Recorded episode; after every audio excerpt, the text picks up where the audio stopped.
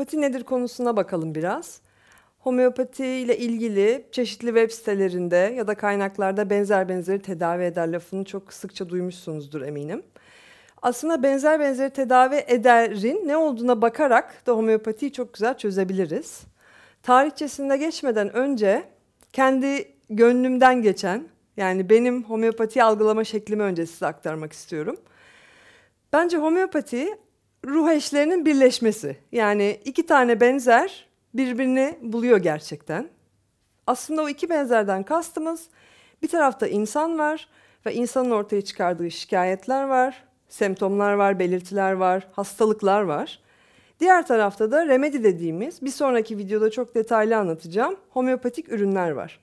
Şimdi bu hastalık yaşayan insanla bunun semptomlarını, hastalık yaşayan insanın semptomlarının aynısına yaratma gücüne sahip bir madde var elimizde. Biz homeopatide bu iki benzeri bir araya getirerek aslında o insanın bedenine şunu hatırlatıyoruz. Bak sen böyle davranıyorsun. Bak böyle bir maddeyle aslında bak buna benzer şikayetlerin var senin. Bak senin yaşam gücün bunu çıkarıyor demeye çalışıyoruz.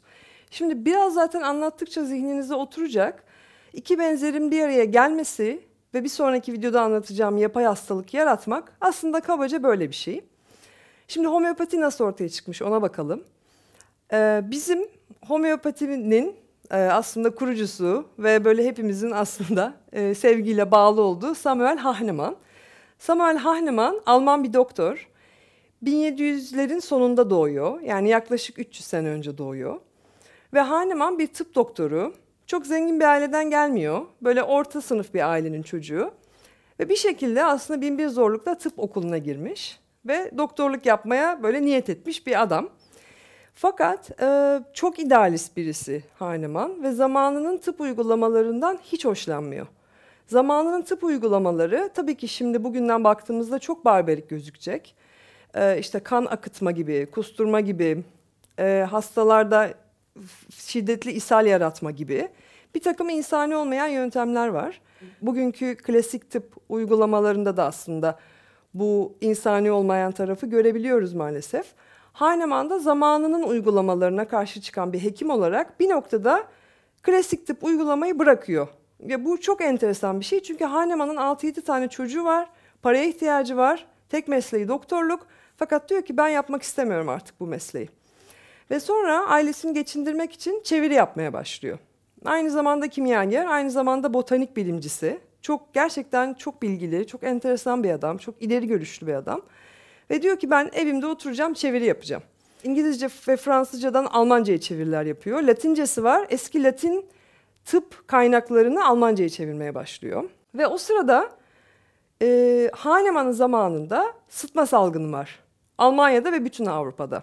Yani şu andaki Covid salgını gibi bir şey aslında. Yani doğru düzgün tedavisini bulunamadığı, böyle insanların bir şekilde canla başla tedavi etmek için çalıştığı bir salgın bu sıtma. Ve sıtmanın e, eminim bilenleriniz vardır. Çok karakterize, çok kendine özgü semptomları var. Tıpkı Covid'in olduğu gibi. Mesela sıtmada periyodik ateş dediğimiz bir hal vardır. Yani hastanın ateşi yükselir, sonra düşer.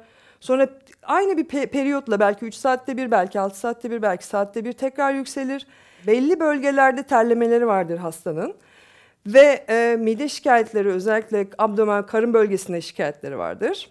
Yani bu virüs sıtma salgını bunu oluşturur. Yani kendi semptomlarını ortaya koyar bu salgın. Şimdi Hahnemann bu sıtmayla bir taraftan uğraşıyor ama bir taraftan çeviriler yapıyor. Şöyle bir şeye denk geliyor. Eski eski Yunan metinlerinde içinde Hipokrat'ın da olduğu benzer benzeri tedavi eder diye bir şeyler karşılaşıyor. Yani tam ne olduğu da belli değil. Ama işte mesela şeyden bahsediyor. Donmuş bir uzva buz koymak gibi yanmış bir uzva ılık su tutmak gibi. Ve böyle çok enteresan bizim şu andaki mantığımızda da biliyorsunuz anti kullanıyoruz şimdi. Klasik tıp da anti kullanıyor. Antibiyotik, antibakteriyer.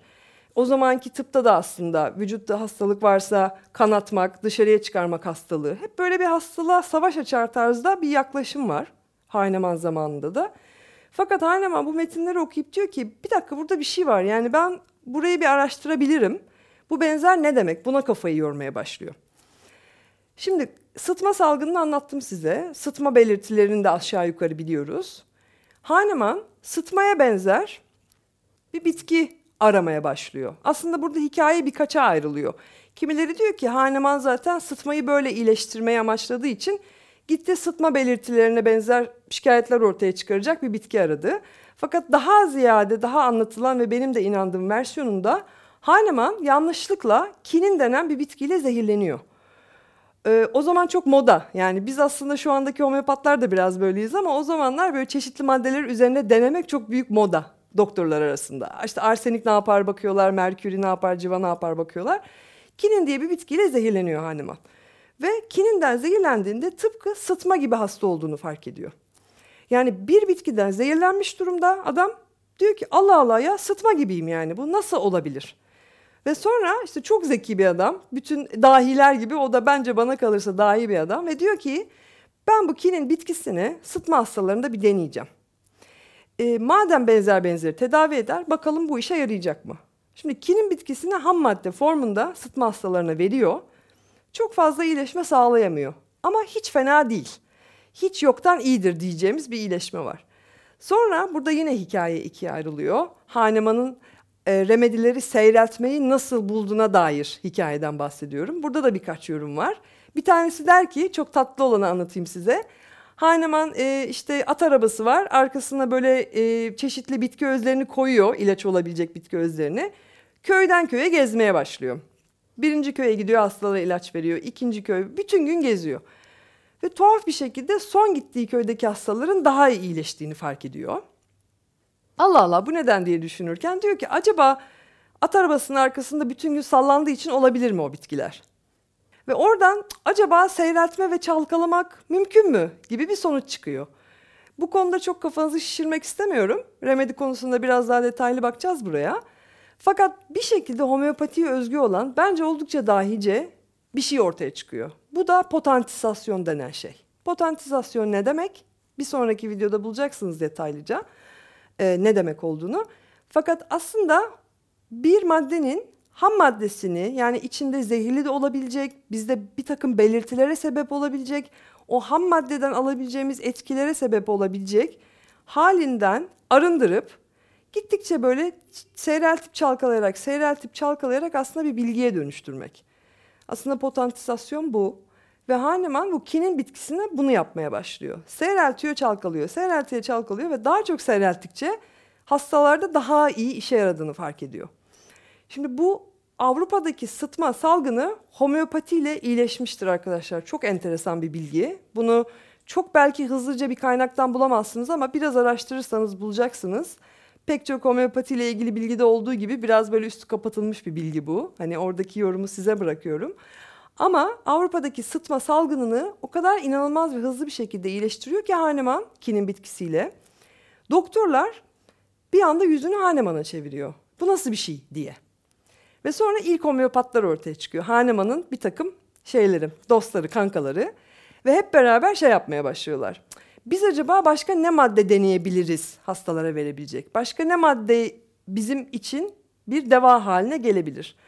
Ve o zamanki homeopatların çok me- meşhur hikayeleri vardır. İşte yılan zehri deniyorlar, arsenik deniyorlar, seyreltip deniyorlar, çeşitli bitkileri deniyorlar vesaire. Ve proving denen bir şey ortaya çıkıyor. Yani bu ilk homeopatlar bir araya gelip diyorlar ki bir maddeyi alacağız arkadaşlar. Hepimiz bu maddeyi kullanacağız ve ortaya çıkan belirtilerini gözlemleyeceğiz. Eğer yüzde seksenimizde çıkarsa bu belirti, biz bunu iyileştirebilir bir belirti olarak bir kenara yazacağız. Mesela bu noktada çok da kafanızı karıştırmadan bir çok e, klasik böyle çok temel basit bir örnek vermek istiyorum. Diyelim ki soğan. İşte mutfakta soğan doğrarken ne olur? Gözünüz yanar, akmaya başlar, burnunuz akar yanar. Bu aynı belirti bazı nezle hastalarında da görülür değil mi? Yani bazı nezle hastaları tıpkı böyle soğan sanki doğramış gibi gözleri yaşarır, burnu yaşarır, böyle kızarır, kaşınır vesaire. Biz o hastalara seyreltilmiş soğan veriyoruz mesela. Yani bizim Allium cepa isminde seyreltilmiş soğan remedimiz var homeopatide. Bu hastalara onu veriyoruz. Mesela başka bir örnek yine çok tipik bir örnek. Diyelim ki kahve içtik çok. Çok fazla kahve içersek ne olur? Çoğumuzda yani bazılarımız çok tabii hiç hassas değil kahveye çok rahat e, başa çıkabiliyorlar ama genelde sağlıklı bir bireyde fazla kahve içmek çarpıntıya sebep olur. Uykusuzluk yapar. Böyle öförya dediğimiz tuhaf bir mutluluk hali yapar. Böyle çok canlı ve heyecanlı olur o insan. Bazı panik atak hastaları da bu şikayetle gelebiliyor homeopata. Diyorlar ki uyuyamıyorum, kalbim çarpıyor, çok heyecanlıyım, bir öförya var içimde. O hastalarda mesela seyreltilmiş kahve remedisi veriliyor. Şimdi bunlar çok basit örnekler. Tabii homeopati bu kadar basit değil. Bunun böyle çok daha videolarda da yavaş yavaş anlayacaksınız. Daha genişleteceğiz, daha yapısal bakmaya başlayacağız. Daha mental duygusal şikayetler girmeye başlayacak işin içine. Fakat basitçe yapılan bu homeopatide. Şimdi Hahnemann da aslında Hahnemann ve e, dostları da diğer doktor arkadaşları da bunu yapmaya çalışıyor. Bir aslında külliyat oluşturuyorlar kendilerine. Ne yapabiliriz biz bu homeopatik remedilerle? Yani daha doğrusu doğada hangi madde ne işe yarar diye kafa yormaya başlıyorlar. Benzer benzeri iyileştirir aslında buradan çıkıyor. Doğadaki herhangi bir madde e, herhangi bir şikayeti iyileştirme gücüne sahip. Biz bunu nasıl belirliyoruz? O doğadaki maddenin sağlıklı bir bireyde ortaya çıkardığı semptomlara bakarak.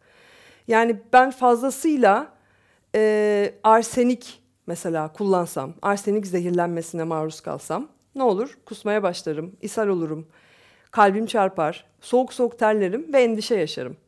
Tıpkı bunun gibi aslında bu şikayetlere sahip birine de yine aynı şekilde seyreltilmiş arsenik veriyoruz. Ee, Hahnemann bunu keşfettikten sonra yani bu kinin bitkisi ve arkasından gelen diğer homeopatlarla diğer doktor tabii daha sonra homeopat olacaklar ama beraber çeşitli maddeleri böyle deneyip yaptıkça deneyip yaptıkça homeopati Avrupa'dan Amerika'ya yayılıyor.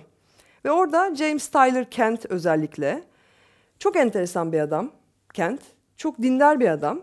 Ve böyle enteresan homeopatiye çok tuhaf bir, e, çok enteresan bir katkıda bulunuyor. O da mental duygusal belirtiler. E, bir çeşit ruh katıyor işin içine yani. Diyor ki bir hasta bir hastayı iyileştirmek istiyorsak ne yaşadığını da bilmemiz lazım. Nasıl bir mental duygusal halde olduğunu bilmemiz lazım. Psikolojik olarak ne yaşadığını bilmemiz lazım. Ve sonra Amerika'da da çeşitli hastaneler kuruluyor homeopati okulları kuruluyor. Chicago'da çok iyi bir homeopati hastanesi ve okulu var mesela. Yani bütün dünyada bu 80 sene öncesine kadar ve o da e, antibiyotik gibi böyle ilaçların ortaya çıkışına denk geliyor. 80 sene öncesine kadar bütün dünyada homeopatik hastaneler ve homeopati kolejleri var. Çok yaygın bir sistem. Homeopatinin üzerine kurulduğu bazı prensipler var. Homeopati, homeopati yapan prensipler. Bunların bir tanesini aslında görmüş olduk. Benzer benzeri tedavi eder. Bir tanesi de hastalık yoktur, hasta vardır dediğimiz ya da bütüncül bakmak dediğimiz, bütüncül tedavi dediğimiz şey aslında. Bu da bunu anlatmak için e, İngilizce disease kelimesini kullanacağım. Çok bence çok güzel anlatıyor çünkü konuyu. Disease yani ease o rahatlık olma halinden uzak olmak demek. Yani has, disease'in Türkçesi hastalık biliyorsunuz. Hastalık dediğimiz şey aslında bizim zannettiğimiz gibi migren, insomnia, mide ülseri gibi bir şey değil. Homeopatik anlayışta hastalık rahattan uzak olduğumuz hal aslında. Yani bir insan diyelim ki e, yemekten sonra şişkinlik yaşıyor. Hiçbir şekilde sindiremiyor yemekleri. Ve genelde yemek sonrasına denk gelen bir baş ağrısı var. Patron onu azarlamış iş yerinde, e, herkesin önünde. Ve o olaydan beri bir sunum anksiyetesi var. Konuşmaya korkuyor, insanların arasına çıkmaya korkuyor. Arkadaşlıkları etkileniyor ve geceleri uyuyamıyor, ayakları yanmaya başlamış. Şimdi böyle bir insana tek tek bir sürü hastalığı var diyemeyiz. Yani sindirim şikayeti var, e, uykusuzluk sorunu var, özgüven sorunu var diyemeyiz homeopatik bakış açısında. Biz buna diyoruz ki bütün bunların bir arada olduğu tek bir hastalık hali var. O da bir, bu insanın konfordan çıkmış olduğu hal. Yani bu insana bir şey oluyor. Orada spekülasyonlara çok yer vermemiz, vermememizi de söylüyor Hahnemann. Bu insanın neden hastalandığına dair biraz daha ufak da olsa bir bakış açısı sunacağım e, diğer videolarda. Fakat çok da spekülasyona girmeden burada bu insan sonuçta bir konforsuz halde ve bütün bunların bir arada olduğu hal aslında hastalık.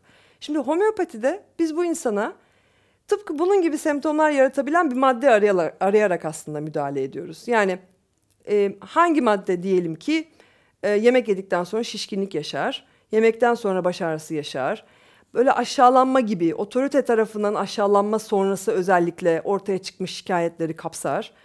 Hangi remedi, hangi maddenin ayakları yanar, hangi madde uykusuzluk çeker ve mesela örnek veriyorum Lycopodium is- isminde bir bitkiye çıktık diyelim ki.